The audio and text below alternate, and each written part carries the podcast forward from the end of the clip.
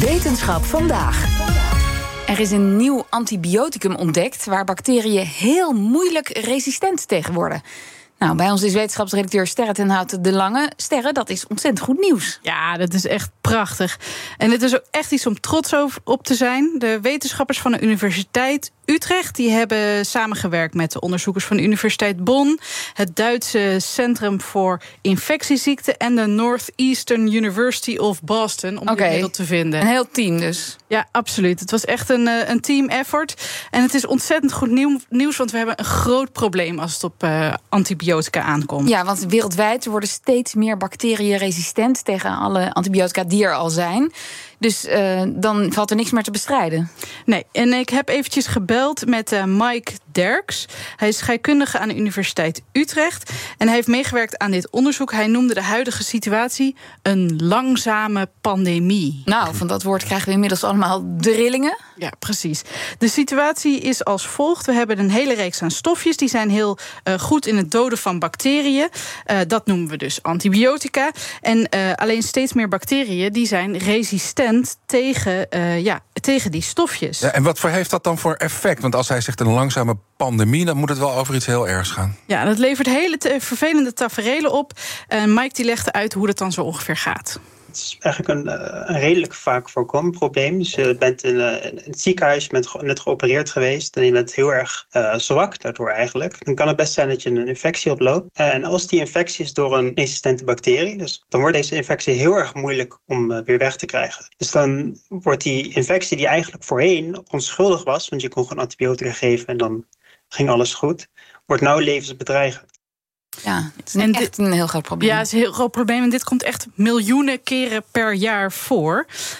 En dan wordt er dus ook al als een idioot zoek, uh, onderzoek gedaan naar werkzame antibiotica. Ja, ze zijn echt, uh, echt in het wilde weg op zoek naar uh, andere antibiotica. Er is een groep van Amerikaanse wetenschappers die letterlijk aan het scheppen is op zoek naar bacteriën, die dus andere bacteriën weer dood kunnen maken. En, en als ze die al vinden, kunnen ze die dan meteen verwerken in het lab? Nee, dat is dus een van de problemen waar we mee zitten. 99% van de bacteriën die andere bacteriën kunnen doden, die zijn niet goed op te kweken in het lab bijvoorbeeld in je achtertuin op een schep een stuk grond pakt, 99% van die bacteriën die kun je, zijn nog niet opgegroeid in het lab.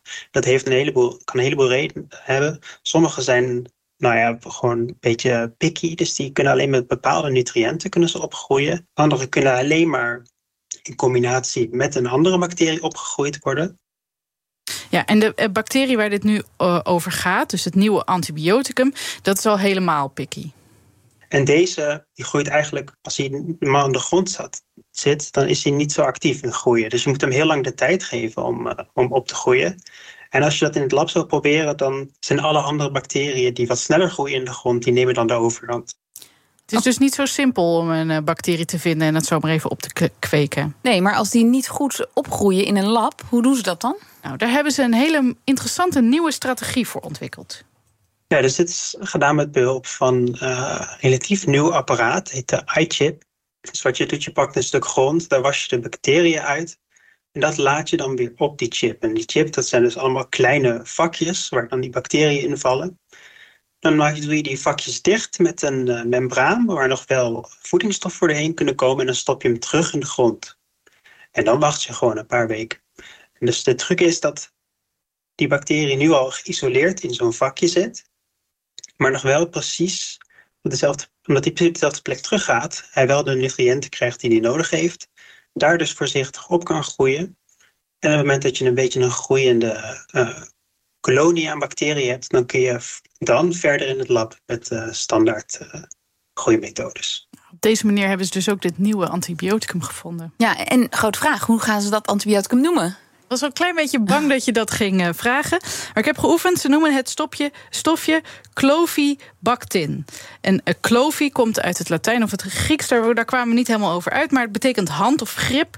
Omdat, uh, omdat deze bacterie de andere bacteriën heel stevig in, hun, in zijn greep heeft. Oké, okay, en hoe komen ze er dan achter dat het ook een heel goed werkende bacterie is? Ja, ze hebben het getest op superbacterie MRSA. Ja, die is heel berucht. MRSA staat voor Methicillin Resistant Staphylococcus aureus. Staphylococcus aureus is de, de bacterienaam zelf. En Dus de methicillin resistant betekent dat hij resistent is tegen methicilline. Methicilline is nu een last resort antibioticum. Dus die wordt eigenlijk bijna nooit gebruikt, behalve als alles anders niet meer werkt. En deze bacterie is daar resistent tegen. MRSA is dus eigenlijk het grootste probleem wat we op dit moment hebben. Um, en dat Clovibactum, mm -hmm. dat Mhm. is daarop getest. Oké, okay. ja, dat is ook een heel groot probleem in ziekenhuizen, inderdaad. Maar het blijft dan ook goed werken, want ja, we willen natuurlijk niet hebben dat hij over twee jaar weer resistent is. Nee, nee, maar dit is echt een super uitvinding, want uh, de plek waar uh, Clovibactum aan de bacterie bindt is heel speciaal de plek waar Clovibacter aan bindt, die is echt vrijwel onmogelijk om te veranderen. Voor zover ik weet zijn er geen bacteriën gevonden nog die op die plek een modificatie hebben. Nou, de vlag kan uit. En wat is nu de volgende stap? Ja, hij gaat de molen in. Dus ze hebben hem inmiddels opgekweekt. Ze hoeven niet meer uh, heel ingewikkeld te doen. Ze kunnen hem in het lab namaken. Ja, en dan is het uh, pre-clinical trial tijd. En dan moet hij veilig worden voor dieren. Dan moet hij veilig worden voor mensen.